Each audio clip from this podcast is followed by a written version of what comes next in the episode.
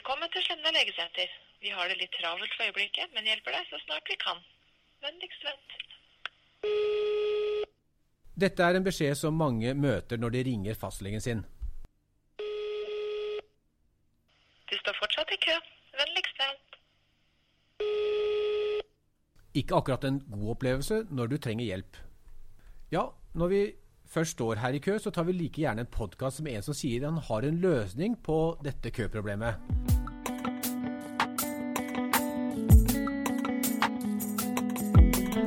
Og vi sitter her med Nikolai Skarsgård. Du er lege og daglig leder i Hjemmelegene. Velkommen, Nikolai. Takk for det.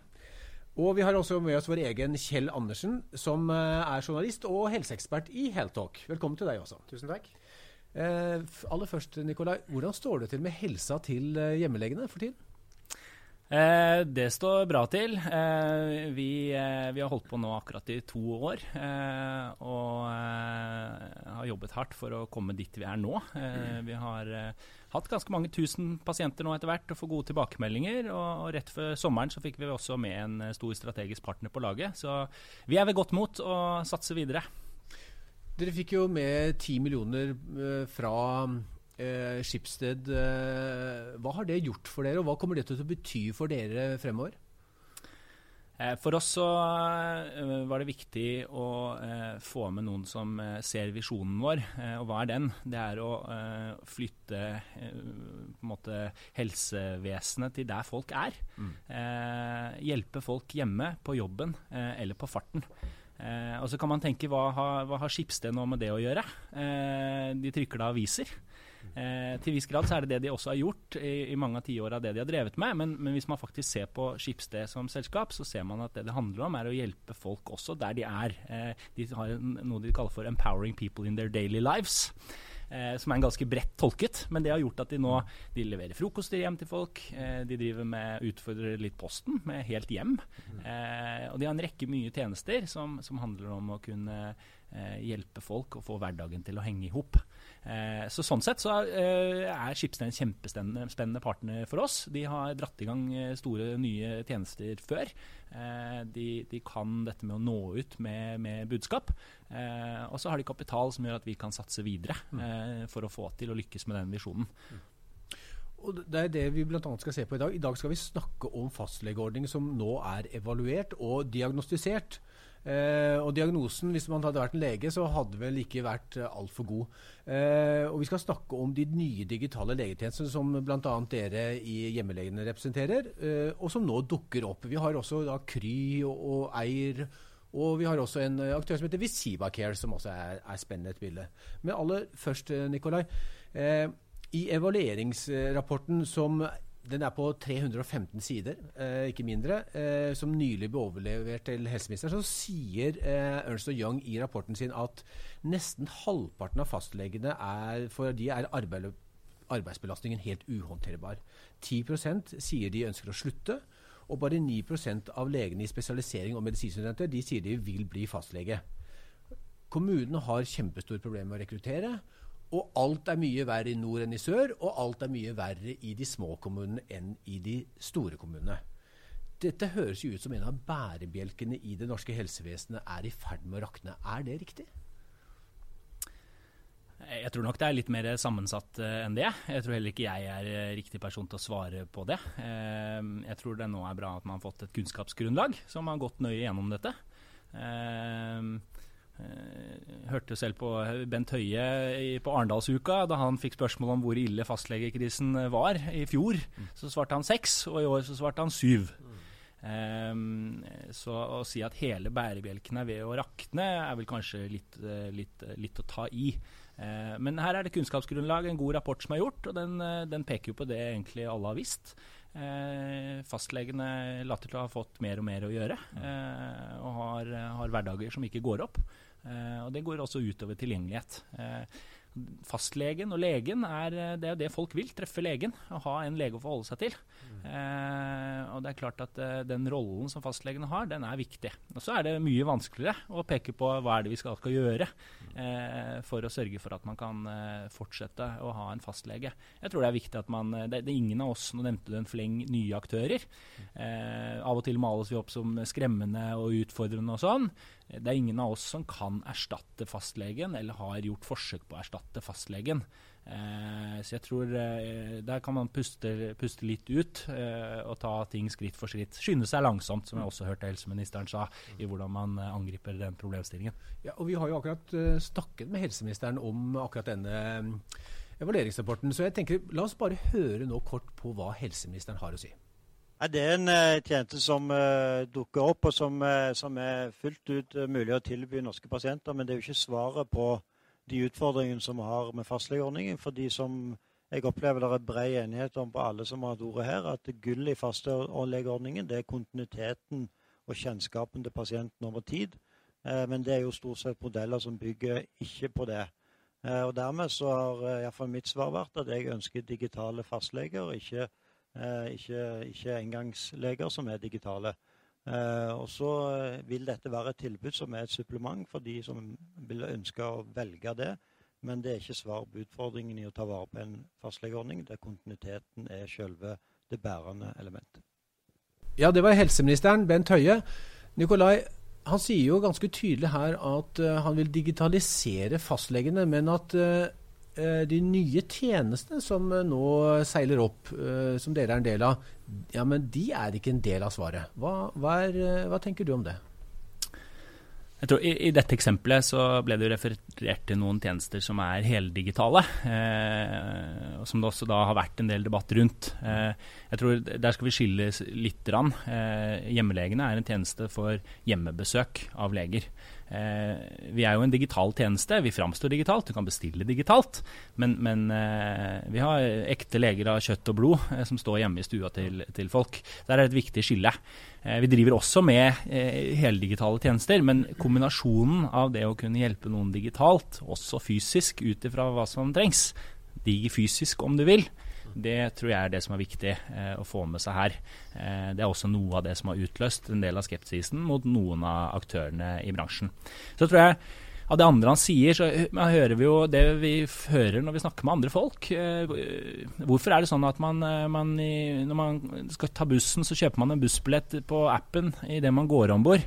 Eh, eller kinobilletten, eller man får levert eh, middagsmaten hjem, mm. leie bilen til naboen. Vi bruker alle andre tjenestesektorer, har endret seg vanvittig de siste 20 årene.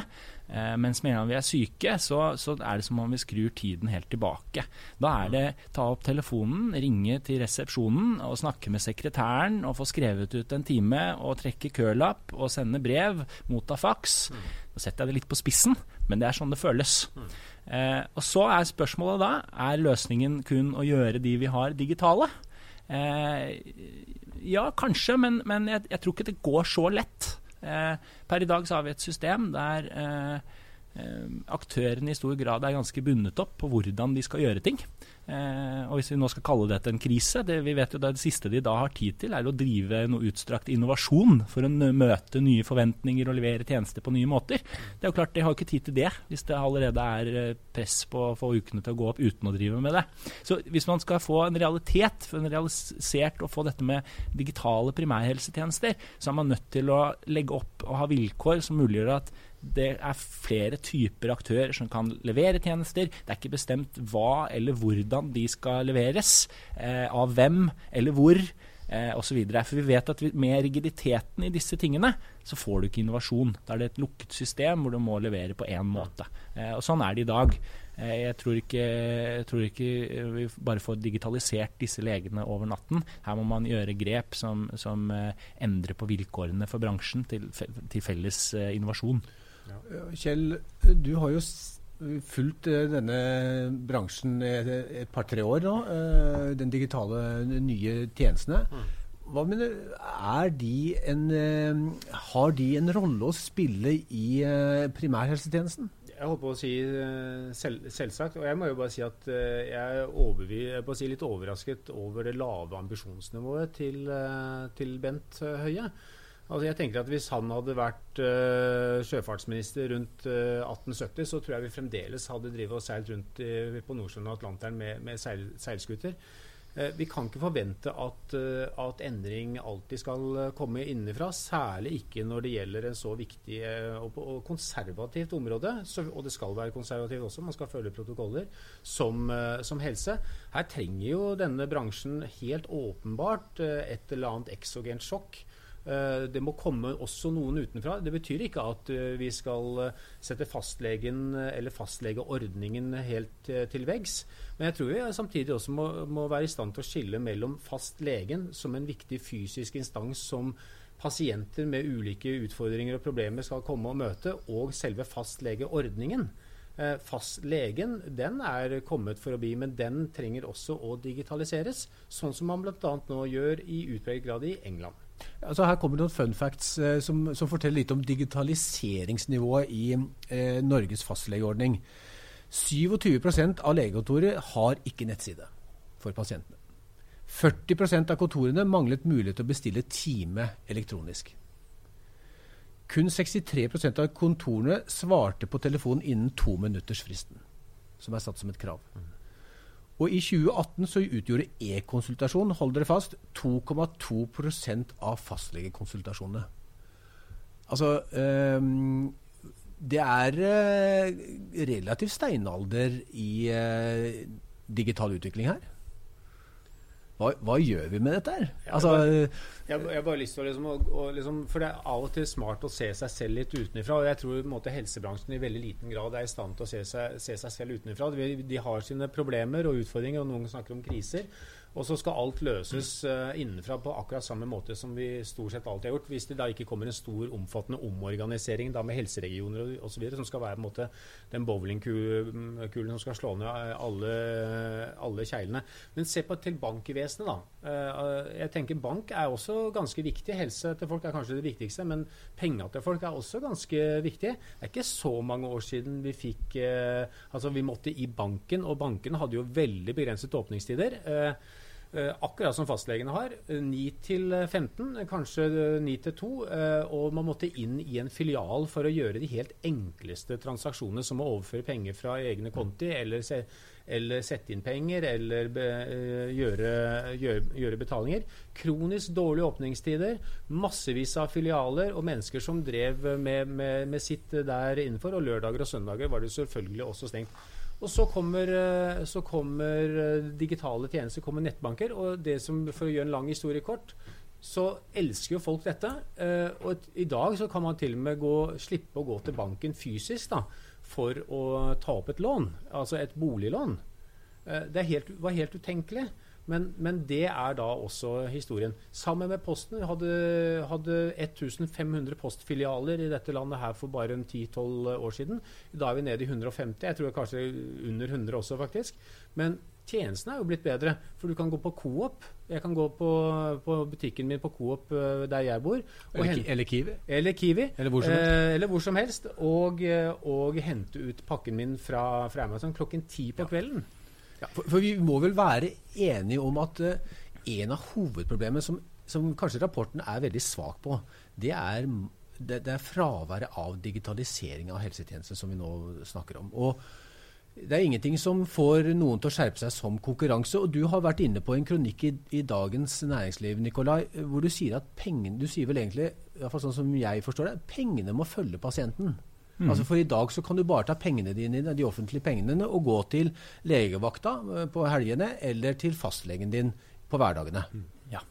Så eh, når, vi, når, vi, er syke, så, sånn er det i Norge, så har man i realiteten eh, to muligheter. Det er legevakten eh, mm. hvis det er noe akutt, eh, og fastlegen på mm. dagtid hvis det er noe akutt, eller for de ikke-akutte tingene.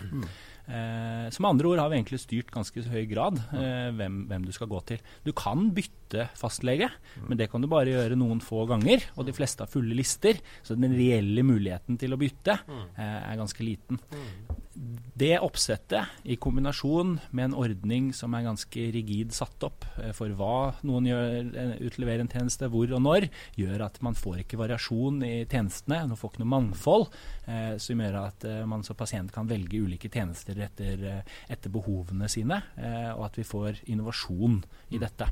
det tror jeg hindrer ja, innovasjonen i hele sektoren. og jeg tror Eh, jeg tror ingen er tjent med det. Jeg tror ikke vi som pasienter er tjent med det. Eh, jeg tror faktisk heller ikke legene og fastlegene til sist er tjent med det.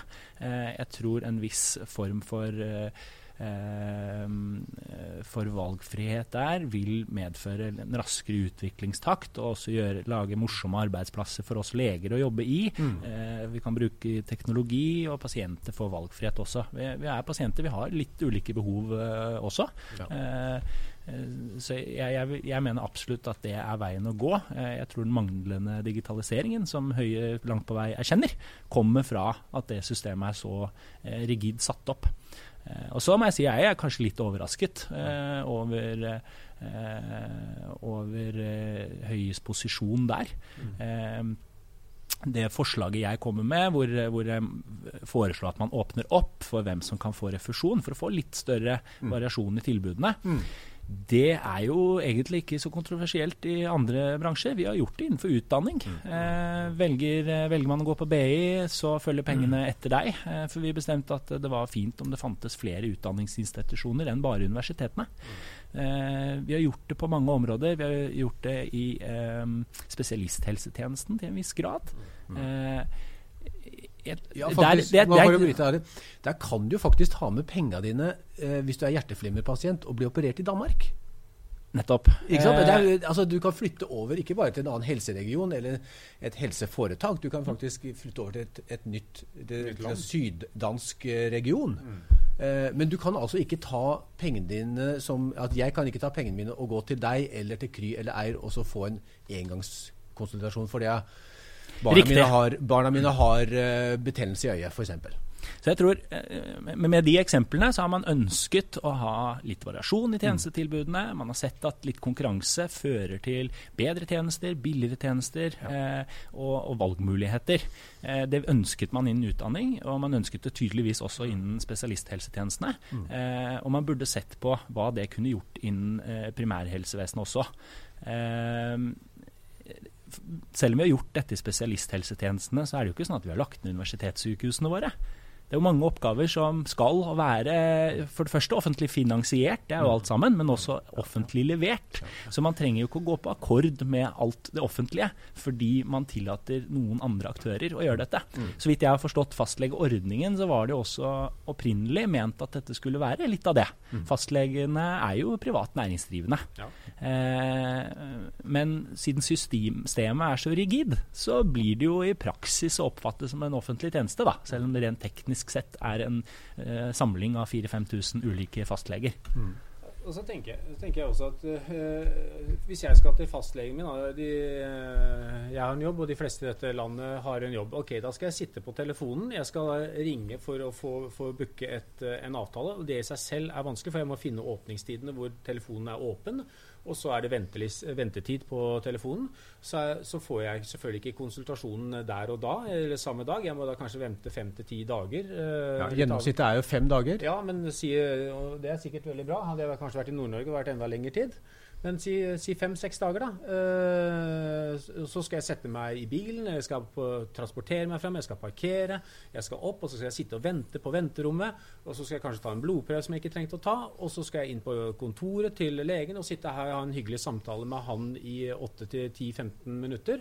Så får jeg kanskje en resept, eller i beste fall eller et, et godt råd dette er, ikke, dette er, jo ikke, god service, og det er jo ikke sånn vi si, de fleste trenger det. Altså jeg, jeg, så jo eh, noen tall her at 90 av uh, pasientene som besøker uh, fastlegen Det er et altfor høyt tall, men det er et tall fra England.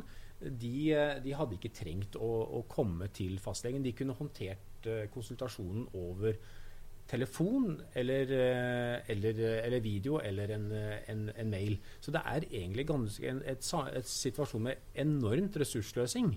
Både for den enkelte pasient, for legen også, som kunne faktisk brukt tiden sin på, på nyttigere ting enn å, å, å, snakke med meg.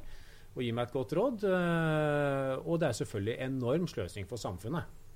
Så jeg tenker liksom, Bent Høie kan vel kanskje bruke de pengene på en litt annen og Ja. smartere måte? Vi skal komme tilbake til det. Eh, Altså, eh, Marit Hermansen, eh, president i Legeforeningen, hun sier at nå må det milliarder til.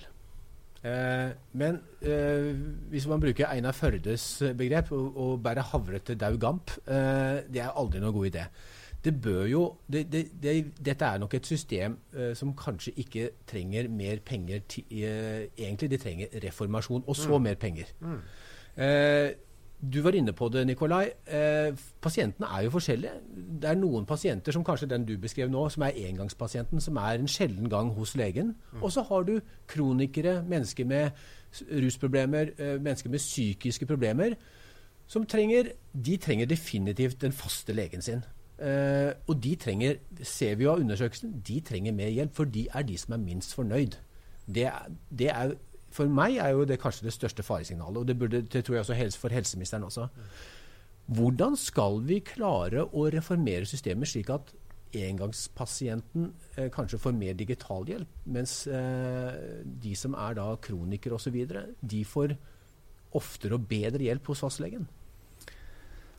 Ja, jeg vet ikke om man skal skille på det. Jeg ville jo, jeg vil jo kanskje sagt at det er mulig at de kronikerne har enda større behov for de digitale flatene eh, og digitale muligheter som ligger i oppfølging. Eh, du kan jo tenke deg hvis du Det høres ut som en kjedelig opplevelse å, å dra til legen osv. Men hvis du er hos legen ti ganger på et år, eh, da blir jo savnet etter en løsning hvor du kan snakke med legen på andre måter enn å dra til de, enda større.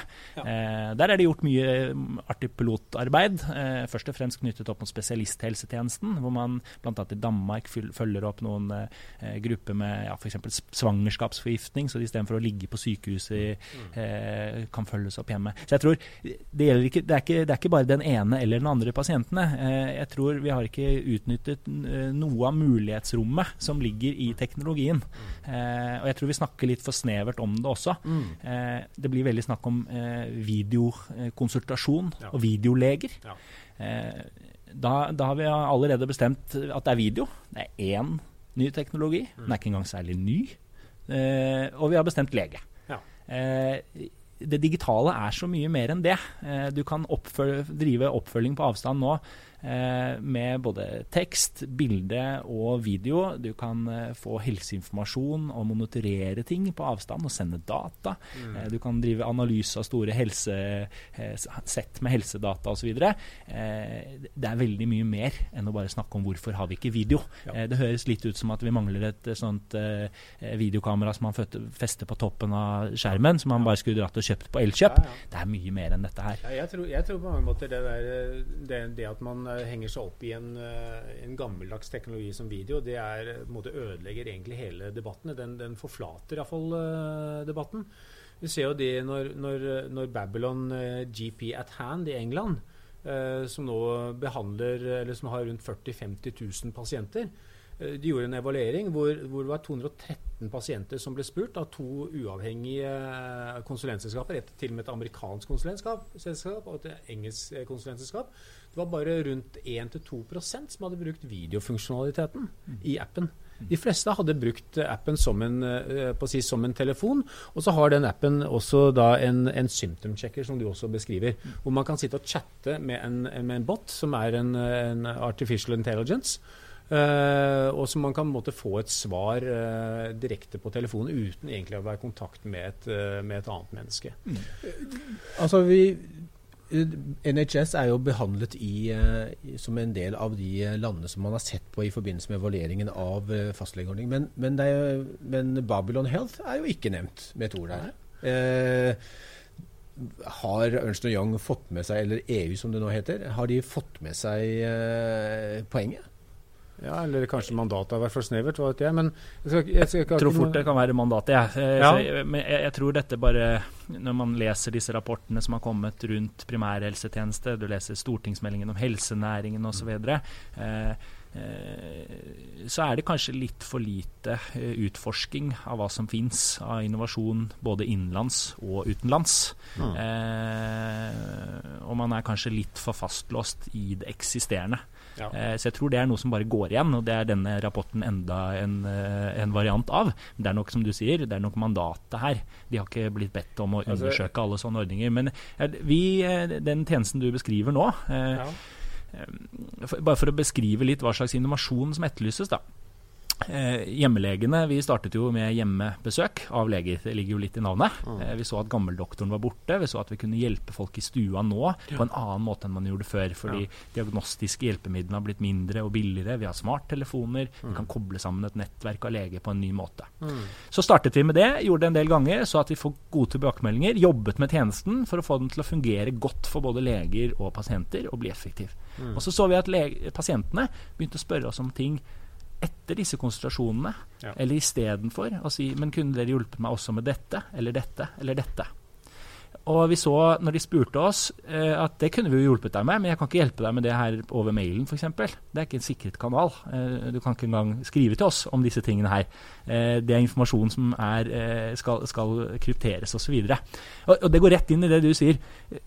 Vi tok da fram en ny tjeneste som støtter våre hjemmebesøk, som handler om eh, en chat-konsultasjon, hvor vi bruker tekst, bilde, telefon eh, osv. for å snakke eh, kryptert med en erfaren lege. Du kan sende et bilde og få vurdering av hudutslett, eh, få råd, du kan få, på, få, få hjelp til en øyekatar. eh, du kan få eh, veiledning til de enklere tingene. Foreskrevet medisiner hvis det er noe du har stått på før, f.eks. Eh, og det, det er den type kontinuerlig innovasjonen, å teste nye sånne flater og se hvordan er det de hjelper og utfordrer lege-pasient-relasjonen å møte. Hva er det som gjør det enklere her? Hva er det som er vanskeligere? Hva medfører dette med å snakke med tekst? Hva slags tilgjengelighet gir det oss? Jo, det gir oss en tilgjengelighet hvor pasientene kan starte en sånn samtale når som helst på døgnet, og så plukker legene det opp. Legene kan jobbe med flere pasienter i, i parallell istedenfor video, som er en synkron tjeneste. Et, et treffende eksempel her er jo eh, Vi har sikkert alle tre en smarttelefon i lomma.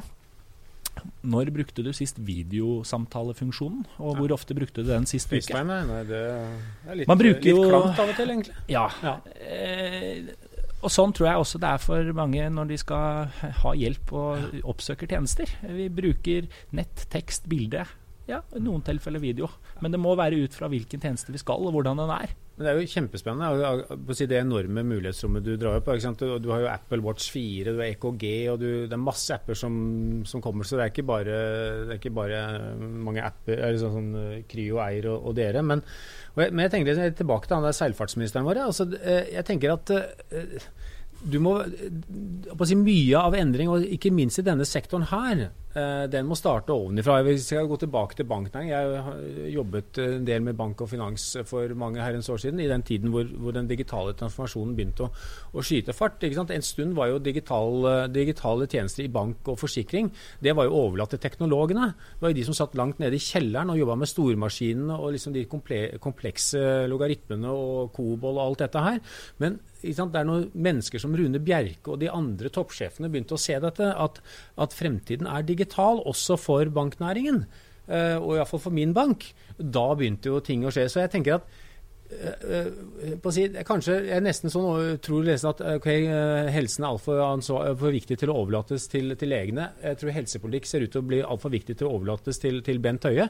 Kanskje det er Nikolai Astrup som må, inn i bildet, eller noen utenfra som, som skaper en sånn, sånn NHS Digital First Primary Care-strategi. Altså, det er, altså Endringen i NHS og knyttet til at man nå får Babylon bl.a. Det, er det er jo ikke bare Babylon, det er mange andre aktører som blir nå kommisjonert inn i primary care i, eh, i, eh, i England. Det skyldes jo i stor grad at du, du har bl.a. en helseminister. Da. Han heter eh, Matt Hancock for øvrig. Han er jo selv kunde av, av, av Babylon. Han står frem i reklamekampanjer for Babylon.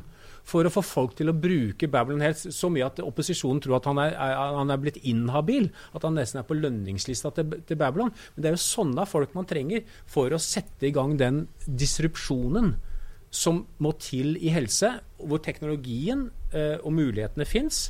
men hvor det er politiske, regulatoriske, eh, økonomiske, finansielle hindringer som, som stopper det. Det er alltid mennesker som stopper det. Og Bent Høie ser nå for meg ut, uten at jeg skal henge ut han eh, særlig mer nå, han ser ut til å være en stor propp i, eh, i det maskineriet.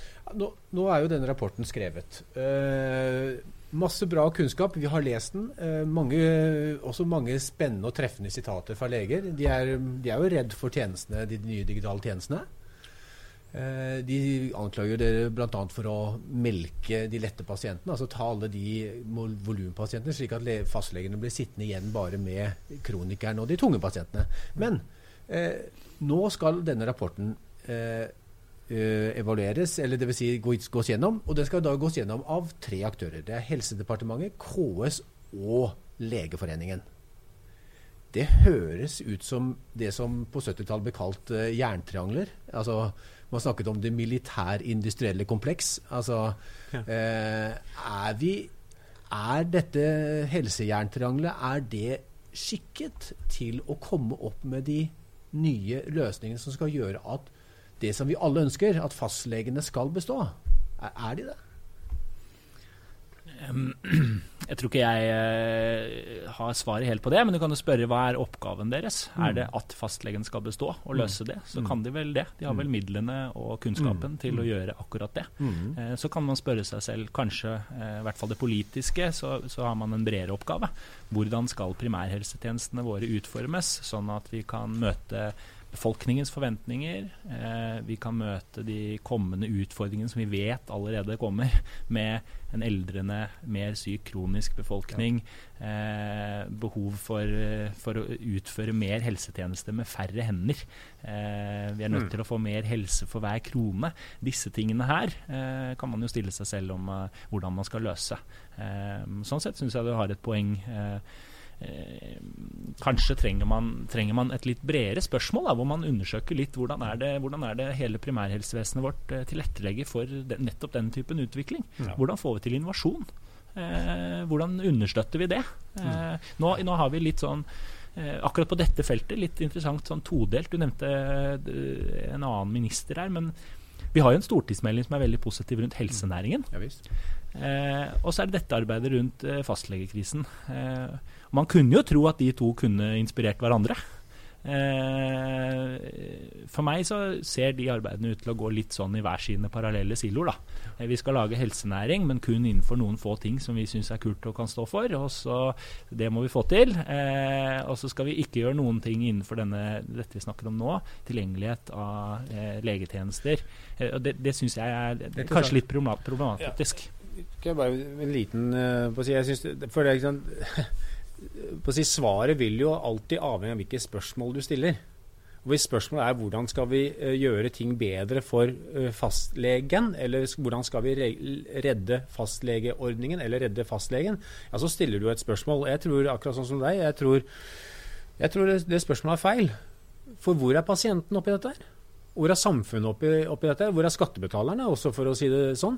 Jeg tror liksom den, den stolen som står ledig eh, rundt eh, dette bordet, som, som du Tre, Trekantbordet. Dette trekantbordet, ja. det er jo pasienten. Men problemet er jo at den har jo ingen representasjon. Men det burde jo vært Bent Høie, det burde vært en eller annen politiker som tok på seg pasienthatten og satt der og sagt at vi må tenke annerledes. Og, og selvfølgelig, det er, det er, supert med 5000 uh, fastleger. Vi har 4741 fastlegekontorer eh, eller fastleger. Det er nesten like mange som Det er sånn outlets, akkurat som like mange filialer som bankene hadde til sammen på, for 10-15-20 år siden. Mm. Altså, parallellen er nærmest eh, slående.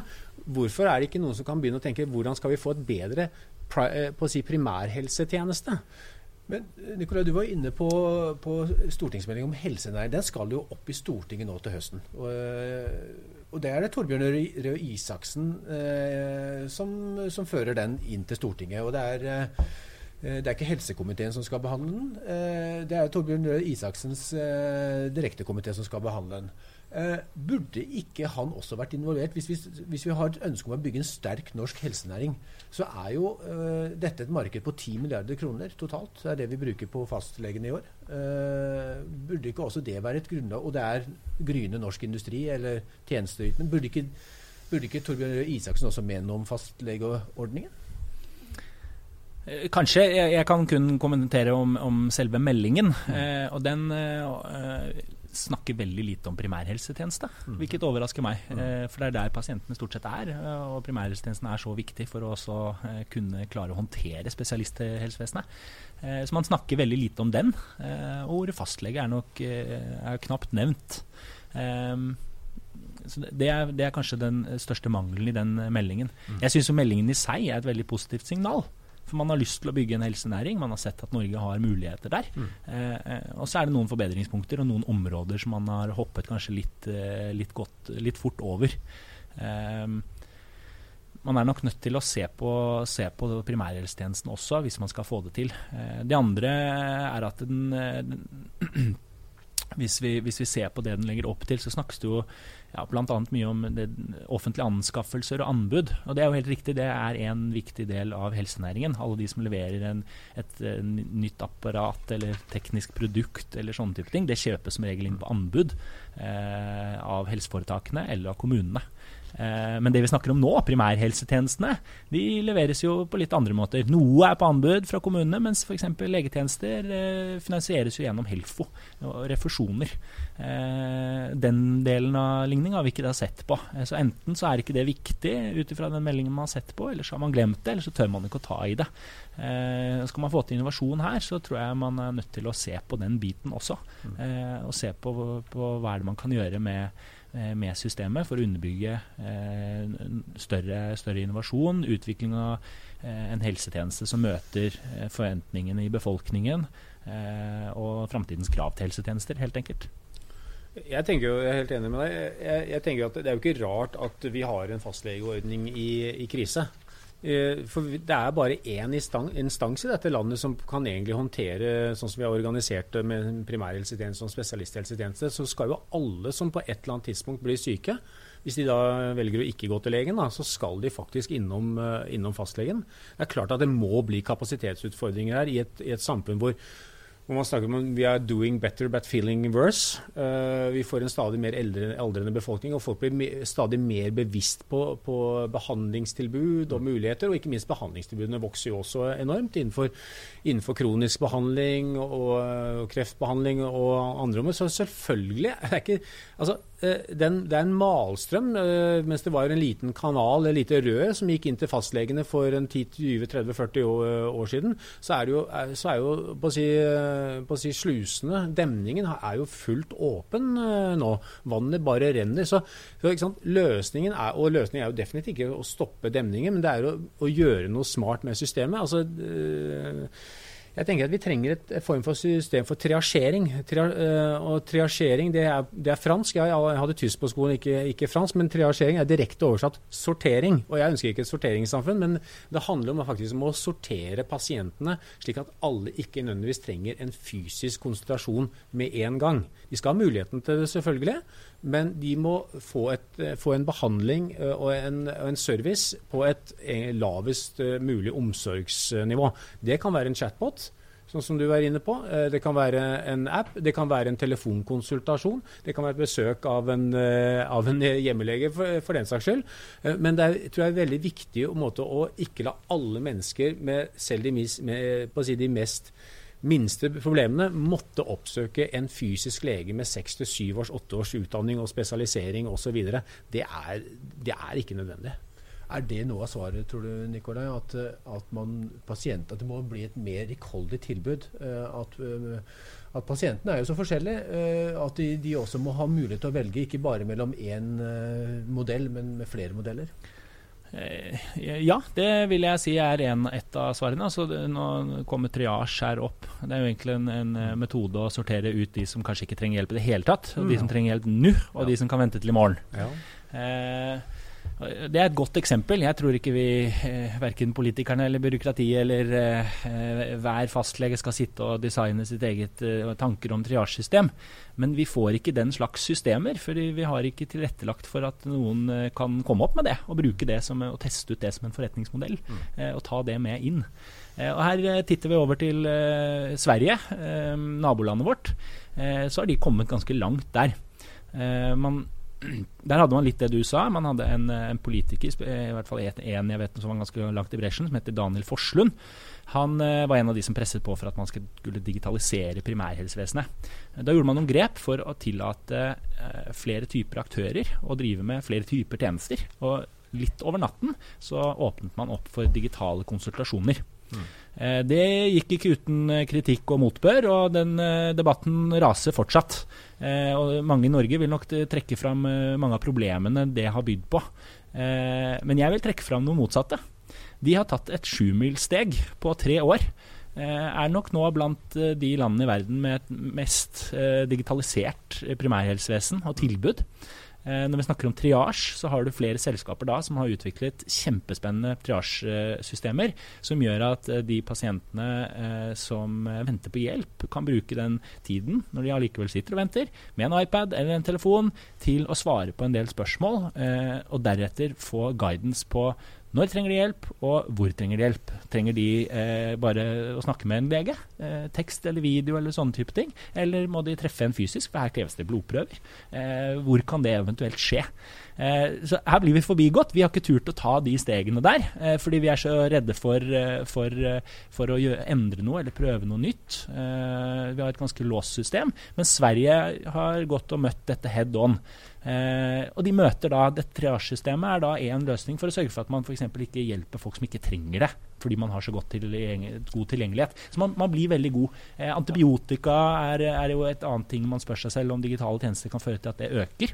Eh, der har man ikke helt svaret ennå, men eh, i Sverige så har jo da f.eks. Eh, Strama, som er samverkan for eh, antibiotikabehandling i Sverige, for to år siden så kom de ut med en egen veiledning som gjelder digitale konsultasjoner. Hva kan du se på som lege? Eh, og behandle på en god måte digitalt, og hva kan du ikke gjøre det? Et godt eksempel er en ørebetennelse. Du kan ikke titte inn i øret via et kamera, nei, så det kan vi ikke behandle. Eh, hudinfeksjoner skal man være ytterst forsiktig med å skrive antibiotika. Eh, øyekatarr kan man f.eks. gjøre det. Eh, dette var et av de sterkeste argumentene mot å slippe til sånne digitale leger i starten. Men så har man da gjort en løsning som gjør at antibiotika at man kan kontrollere det eh, og utforske hvordan det skal hjelpe.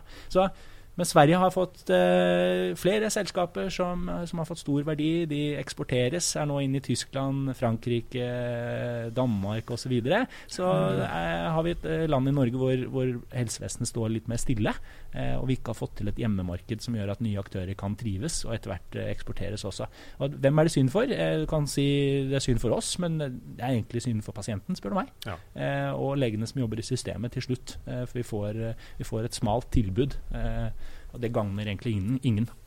Og, og, kanskje Apropos triasjering. Altså vi har, vi har um, jobbet en stund på å si, og snakket en del med, med, et selskap som heter Helsetelefonen. Og Der møter du ikke engang en fastlege eller en lege, uh, primærlege, når du, når du, ringer inn. Altså, Der møter du en sykepleier. Uh, og Den helsetelefonen drives jo av en, en lege selv.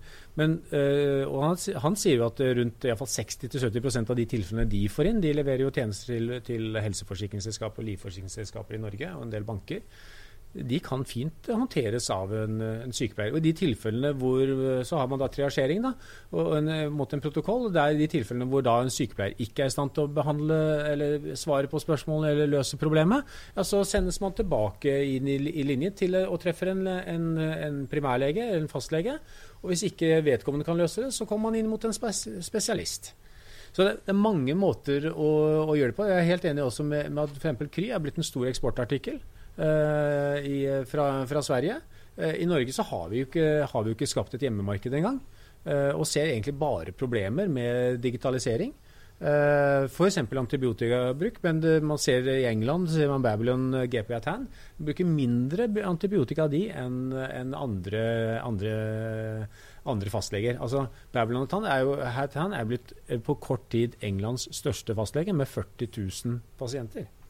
Og De bruker noe av den teknologien, fordi det de er nødt til å gjøre for å vinne pasientene sine. Ja. Eh, og, De bruker da teknologi for å følge antibiotikaforskrivning ut fra diagnose og eh, på, enkeltlege og pasientgrupper. Eh, du kan følge opp på en helt annen måte enn det du har muligheten til ja. å følge opp i dag. Så Det er nok et eksempel på et område hvor teknologien kan brukes på nye måter. Altså, med dette med helsetelefonen du nevnte, det er jo et selskap som har holdt på en god stund. Ja, det er 15-20 år, tror jeg. 20 år, tror jeg. Ja, Er det ikke da et paradoks at det i utgangspunktet er først og fremst de med forsikring som bruker det. Eh, at ikke de, meg bekjent i hvert fall, brukes noe sted i det offentlige. Eh, at ikke de har kommet over landegrensene. Eh, de har vel ikke noe stort nok hjemmemarked, kanskje. Eh, hvis de har gode tjenester som, som kanskje man kunne brukt andre steder. Det, det, sånne innovasjoner blir, så lenge eh, sånne aktører blir stengt ute, det blir et tilbud for de få, og ikke for de mange. Eh, og helsevesenet går glipp av de, eh, og vi får ikke den helsenæringen. Så jeg syns det er et veldig treffende eksempel. Eh, det burde jo kanskje vært en av eksportvarene våre. Vi må begynne å runde litt av. Det har vært en veldig spennende diskusjon som har dreid seg veldig mye om teknologi, og som jeg ble svært nedtrykt når jeg leste rapporten fra EU, eh, altså gamle Ernst Young. Den, den eh, den virker nesten som problemet ikke er løsbart, for de har heller ingen svar på problemene. Men samtalen mellom dere, med dere to har jo faktisk avstedkommet en, eh, en, eh, altså Et visst svar, iallfall? Ja, et visst svar, og gjort meg langt, langt mer optimistisk. Eh, hvis vi skal helt sånn oppsummeringsmessig, Nikolai og Kjell eh, To gode råd fra hver av dere til eh, til helseministeren, eh, KS og Legeforeningen. Hva, hva, bør de tenke på når de nå skal gå inn og, og løse eh, krisen eller utfordringene, alt ettersom man ønsker å se på det, eh, i fastlegeordningen?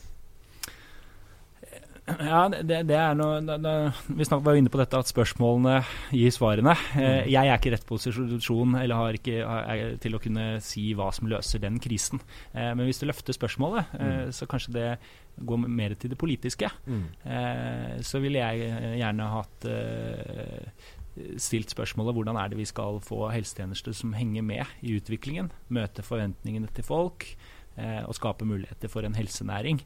Eh, det handler stort sett om innovasjon. Jeg skrev jo mine eh, to råd ja, til, eh, til, Høie i Dagens Næringsliv. Eh, man må se på refusjonsordningene eh, og se hva som kunne vært utrettet av innovasjon dersom man åpnet opp sånn at pengene følger pasienten. Da vil du få eh, ulike tilbydere, innovasjonstakten vil øke. Kanskje viktigst av alt, for oss som pasienter så får vi et mangfold i tilbudet som gir bedre tjenester, kan gi billigere tjenester. Eh, og vi unngår den todelingen som langt på vei er i ferd med å skje i dag. Fordi noen tjenester, eh, enten du vil eller ikke, eh, blir mer egnet for en, en del av befolkningen enn en annen. Har du fått noe svar fra helseministeren? Nei. Det forteller vel mye.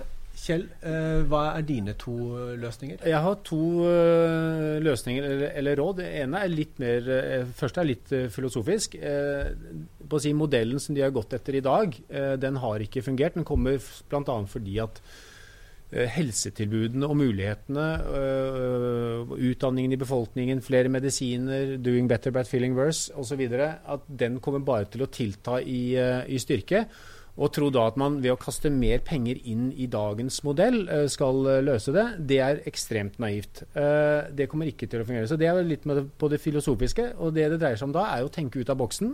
Og det jeg tror, er å se til, England, og det er jo også se til, som Nikolai sier, se også til, til Sverige, hvor man kommisjonerer inn eksterne tilbydere som ikke bare er digitale, for det er jeg veldig enig med Høie om. At det hjelper ikke bare å ha en digital uh, tjeneste, men en, en, tjeneste som er digital og fysisk. At man integrerer de, eh, de i én og samme tjeneste. Uh, uh, og, og, og, kjøper inn den tjenesten og lar de slippe til, sånn som man har bl.a. Gjort, gjort i England, det tror jeg på. Tusen takk for at dere ville komme, begge to. Det har vært en veldig spennende diskusjon. Vi håper eh, KS, eh, Helsedepartementet og Legeforeningen eh, får med seg noe av de rådene. Så får vi eh, her i Heltalk eh, se om vi har fått summetonen med legesenteret.